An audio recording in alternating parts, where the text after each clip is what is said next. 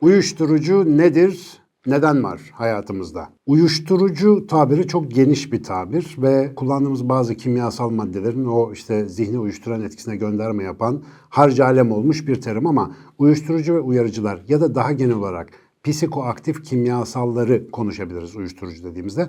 Ama ben şahsen uyuşturucu konusunu konuşurken sadece kimyasal maddelerle de sınırlı tutmak istemem.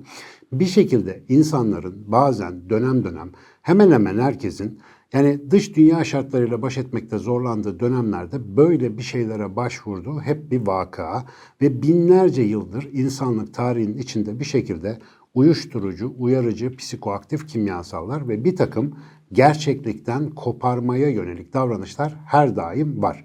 Şimdi böyle bir geniş perspektiften baktığınızda ya insan aklı efendim zihni işte bu beyinsel donanımı falan bu kadar harika bir şekilde evrimleşmiş. Kim hiçbir canlının düşünemediği şeyleri düşünüyorsun, acayip icatlar yapıyorsun, kıtalar keşfediyorsun, teknolojiler geliştiriyorsun falan. Abi bu işi niye uyuşturuyorsun? Yani bu sistemi neden uyuşturmaktan keyif alıyorsun sorusunu kendi kendimize galiba pek fazla sormuyoruz. Ama bence bu soru çok önemli. İnsan neden bazen uyuşturulmak istiyor? Eğer hayatınızda hatırlayabildiğiniz bir yerlerde yahut yakın zamanda baş edemediğiniz bir duygusal olay yaşamışsanız, bir kayıp, bir ayrılık, bir acı, herhangi bir şekilde sizi zorlayan bir duygusal durumun içinde yeterince uzun zaman geçirmişseniz bu durumun size biraz acı verdiğini hatta bir hayli acı verdiğini fark etmiş olmanız lazım. Zira beyin bilimleri açısından mesela sevgilinizden ayrılmanın bedendeki fiziksel acıyla aynı şeyi yaptığını biliyoruz beyinde. Yani beyindeki fiziksel acı hissettiğimizde çalışan bölgeler duygusal bir ayrılıkta da aynı şekilde çalışıyor. Yani fiziken hissettiğimiz acının hemen hemen aynısını duygusal bir ayrılık durumunda bile aslında birebir içeriden yaşıyoruz. Fakat bir durum var. Dışarıdan gelen ağrıyı mesela ağrı kesicilerle e, geçirebiliyorsunuz ya da o acı verici etken ortadan kalktığında işte parmağınıza batan çivi çıktığında, yara iyileştiğinde o ağrı neticede kesiliyor. Çünkü ağrıyı oluşturan, uyaran ortadan kalkıyor. Fakat zihinsel ve duygusal acılarda bir problem var. Eğer onlarla nasıl baş edeceğimizi, onlardan ders alıp nasıl ilerleyeceğimizi çözemezsek bu acı kendi içerisinde sürekli kendisini büyüterek hatta etkisini zamanla arttırarak zihinsel çalışmamızı bozacak düzeylere ulaşabiliyor. Biz biliyorsunuz insanlar olarak hani açık beyinde çok çok anlattığımız bir durum var. Zihinsel olarak durduk yerde hiçbir neden olmadan stres üretebilen tek canlıyız. Çünkü geçmişi, geleceği çok fazla düşünebiliyoruz. Aşırı gelişmiş bir zihnimiz olduğu için böyle bir hem nimetimiz hem lanetimiz var ve bu nedenle de olmamış şeylerin endişesini yaşarken bir taraftan da olup bitmiş şeylerin acısını sürekli zihnimizde arttırabiliyoruz. Şimdi bu donanım yani insan zihni dediğimiz donanım aslında çok önemli bir avantaj ya da görev için böyle bir özellikle donatılmış gibi duruyor ama biz o avantaj ve görevi çok iyi bilemediğimiz için ya da hayatımızda her zaman tam verimli şekilde uygulayamadığımız için bu nimet bir yerde lanete dönüşüyor gibi düşünebilirsiniz. Çünkü bu zihnin neden var olduğunu sorduğumuzda yani niye bu kadar geniş zaman algımız var? Niye bu kadar geçmişi ve geleceği aynı zihin içinde hayal edebiliyoruz? Aslında biyolojik, sosyolojik veya teknik anlamda çok basit bir nedeni var bunun. Çok anlaşılır bir nedeni var. Geçmişten gelen tecrübeleri olabildiğince çok hatırlayıp geleceğe dair olabildiğince uzak hayallere gitmek üzere şimdi şu anda burada bir şey yapabilmek için tecrübelerle hedefi bir şekilde yakalayabilmek, ona doğru adımlar atabilmek için böyle bir zihnimiz var. Dikkat ederseniz diğer hayvanlarda böyle çok uzun vadeli projeler, uzun uzun kitaplar, romanlar yazma falan gibi aktiviteleri çok fazla görmeyiz. Bu sadece bizim türümüzde gördüğümüz bir şey. Nasıl yapıyoruz? Bütün hayattan bir birikim toparlıyoruz. Gelecekte bir şey hayal ediyoruz. O hayal ettiğimiz şeye gidebilmek için şimdi burada şu anda daha önce çoğunlukla kimsenin yapmadığı bir şeyler yapmamız gerekiyor. Ve bunu yaparken de zihnimiz ilginç bir moda geçiyor. İnsanın Fabrika Ayarları 3. ciltte uzun uzun anlatmaya çalıştığı mesela akış diye bir mod var. Nedir akış modunun özelliği? İşte zamanın nasıl geçtiğini anlamazsınız, zevkten ölürsünüz, bitmesini istersiniz, çok yaratıcı hale gelirsiniz, üretken bir duruma geçersiniz falan falan. Ama bir etkisi daha vardır. Adeta benliğiniz ortadan kaybolur ve acı hissetme yeteneğiniz azalır. Yani akışa geçtiğiniz anda bedensel acılarınız dahil bir sürü şeyi hissetmez olursunuz. Neden var böyle bir deneyim? İnsan gibi zayıf ve çıplak bir canlının bu dünyada hayatta kalabilmesi için devamlı enteresan bir şeyler yapması lazım. Ve bu enteresan şeyleri yaparken ona bir takım yardımcılar sağlarsanız, mesela işte bedensel ihtiyaçlarına duyarsızlaşma, zamanın nasıl geçtiğini çok fazla kafaya takmayabilme, hani öyle bir zamandan kopma, kendini unutma, açlı, açlığını, susuzluğunu fark etmeme gibi bir takım araçlar da verirseniz bu insan hakikaten çok çılgınca şeyler becerebilir. Bütün tarihimize baktığınızda zaten insanların yaptığı bütün tuhaf hadiseler işte bu akış deneyimini bir şekilde hayata oturtabilmekle mümkün olmuş. Biz bu muhteşem medeniyeti aslında daha doğrusu hepsine muhteşem demeyelim, muhteşem olan taraflarını böyle bir zihinsel hal aracılığıyla kurmuşuz. Yakın zamanda rahmetli olan, maalesef aramızdan ayrılan akış teorisinin kurucusu Mihail Csikszentmihalyi diyor ki, Akış deneyimi hepimize hediye edilen çok enteresan bir araç, çok karmaşık bir süreç. Ama özellikle Batı medeniyetinde birçok insan doğal olarak bizde bulunan bu akış deneyiminin bizde yarattığı etkileri suni olarak yaratabilmek adına uyuşturucular ve uyarıcılarla kendini öldürmekle meşgul. Bu söylediği uyarı çok çok önemli. Zira dünya tarihi boyunca en azından yazılı tarihten bildiğimiz binlerce yıldır insanlar şu ya da bu şekilde gerek kimyasal maddeler olsun, gerek çeşitli davranış biçimleri olsun kendilerini bir şekilde dünyadan koparacak, uyuşturacak araçlar arıyorlar. Ve Csikszentmihalyi'ye göre bu araç arayışının temel nedenlerinden bir tanesi yaratıcı bir faaliyet için bu dünyada bulunan insanın yaratıcı faaliyetleri için uygun mecra bulamaması, kendini ifade edememesi ve dolayısıyla hem varoluşsal hem fiziksel hem duygusal acılarından nasıl kurtulacağını bir türlü bulamamasına bağlanabiliyor. İlginç bir fikir. Ve ben etrafıma baktığımda, kendi hayatıma baktığımda ne zaman ki hani hayatımda böyle işe yarar, yaratıcı falan bir şeyler yapıyorum.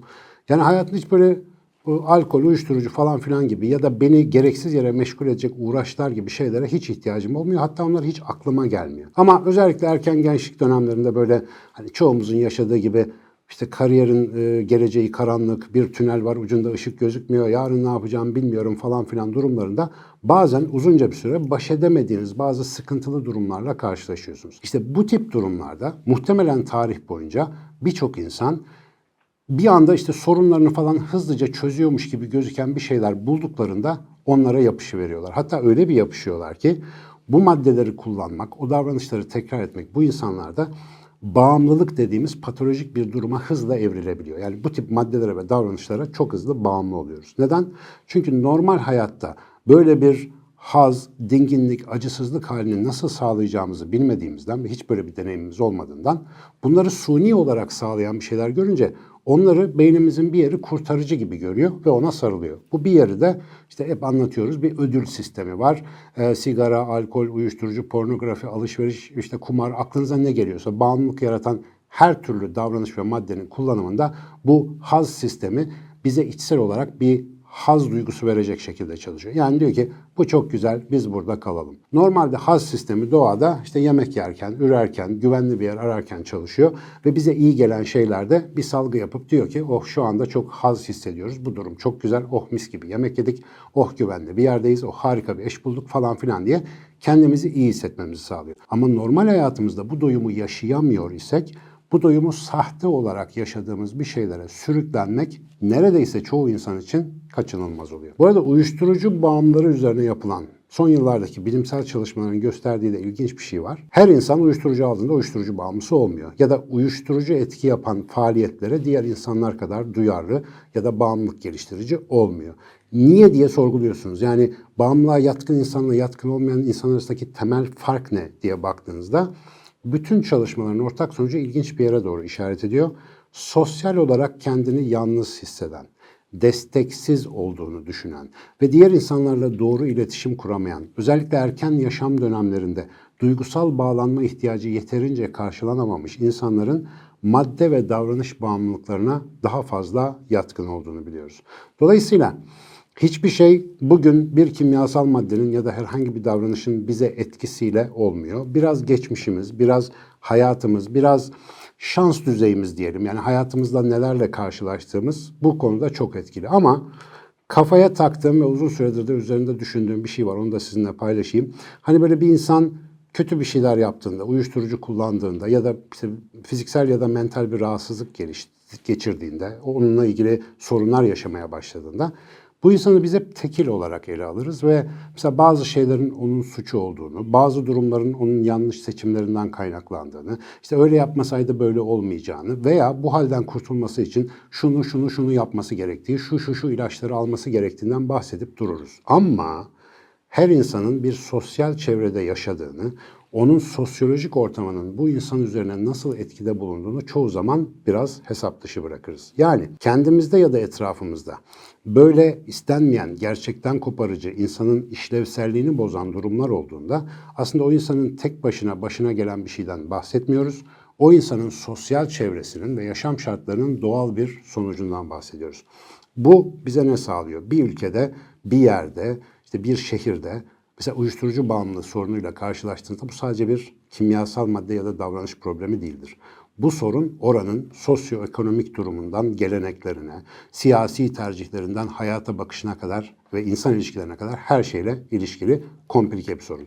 Dolayısıyla buna bu açıdan yaklaşmadığımız sürece işte olayı sadece kimyasal ya da davranışsal bir ne bileyim bug olarak gördüğümüz sürece maalesef bunlarla çok fazla baş edemeyeceğiz. Bu arada bir dipnot olarak bütün medeniyetlerde gördüğümüz bir şey ve neredeyse bütün büyük öğretiler bu tip konulara karşı insanları uyarıyorlar. Diyorlar ki aklı uyuşturan şeylerden uzak durun.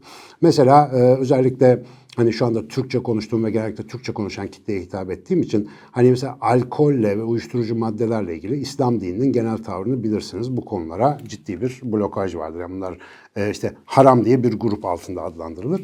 Mesela içki neden e, önerilmez insanlara? İçkinin doğrudan mesela Kur'an'da isminin zikredildiğini de görmeyiz ama Kur'an'da ilginç bir tabir kullanılır içkiyle ilgili. Hamr diye bir ifade geçer. H-A-M-R. Bir bakarsanız sözlük anlamına örtü demektir aslında. Ve ister Budizme, ister Hristiyanlığa, ister antik öğretilerdeki herhangi bir disipline bakın. Aklı örten her şeyi mesafeyle ve biraz böyle e, teyakkuzla karşıladıklarını görürsünüz. Çünkü insan aklı, insan bilinci, insanın aydınlanması, kendini geliştirmesi, hayatın acılarından ve lezzetlerinden öğrenmesi için ayık olmak durumundadır. Siz bu ayıklığı bir şekilde baltalayacak bir şeylere hayatınızda çok fazla yer verirseniz hayat yanınızdan gelip geçerken siz sadece uyuşmuş bir vaziyette zamanın geçmesini beklemek zorunda kalırsınız. Bir e, çok sevdiğim stand-up komedyen Louis C.K.'nin çok güzel bir e, esprisi vardır. İşte genç yaşlarında uyuşturucu kullanan delikanlılara işte nasıl tavsiye verilir diye biraz esprisini yapıyor.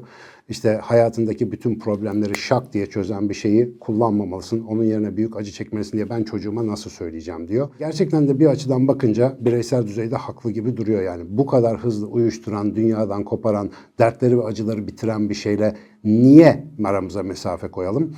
Aslında çok basit bir gerekçesi var. İnsan zihni bu dünyada iyi hissetmek için değil, bütün duygulardan öğrenmek için var ve her türlü duygunun bizi eğiten bir tarafı var. Onları yeterince yaşayamazsak bu dünya hayatından da çok fazla ders alamıyoruz ve gelişemiyoruz. Ve sevgili arkadaşım psikiyatrist Elif Mutlu'nun bir televizyon programında bize hatırlattığı çok önemli bir gerekçeyi de e, çok önemli bir uyarıyı da burada size hatırlatarak aslında bu muhabbeti bağlayayım. Çok iyi olacak. Elif şu konuda bizi sıklıkla uyarıyor. Ağrınızı, acınızı ve sıkıntınızı hızlı ve çabuk bir biçimde geçiren her şey bağımlılık yapar ve asla iyileştirici değildir. Dolayısıyla acıdan, sıkıntıdan, problemden, hayatın bize gösterdiği dirençten öğrenecek çok şeyimiz var. İki seçenek var karşımızda. Ya öğreneceğiz ya uyuşacağız. Özgür bir dünyadayız. Tercih sizin.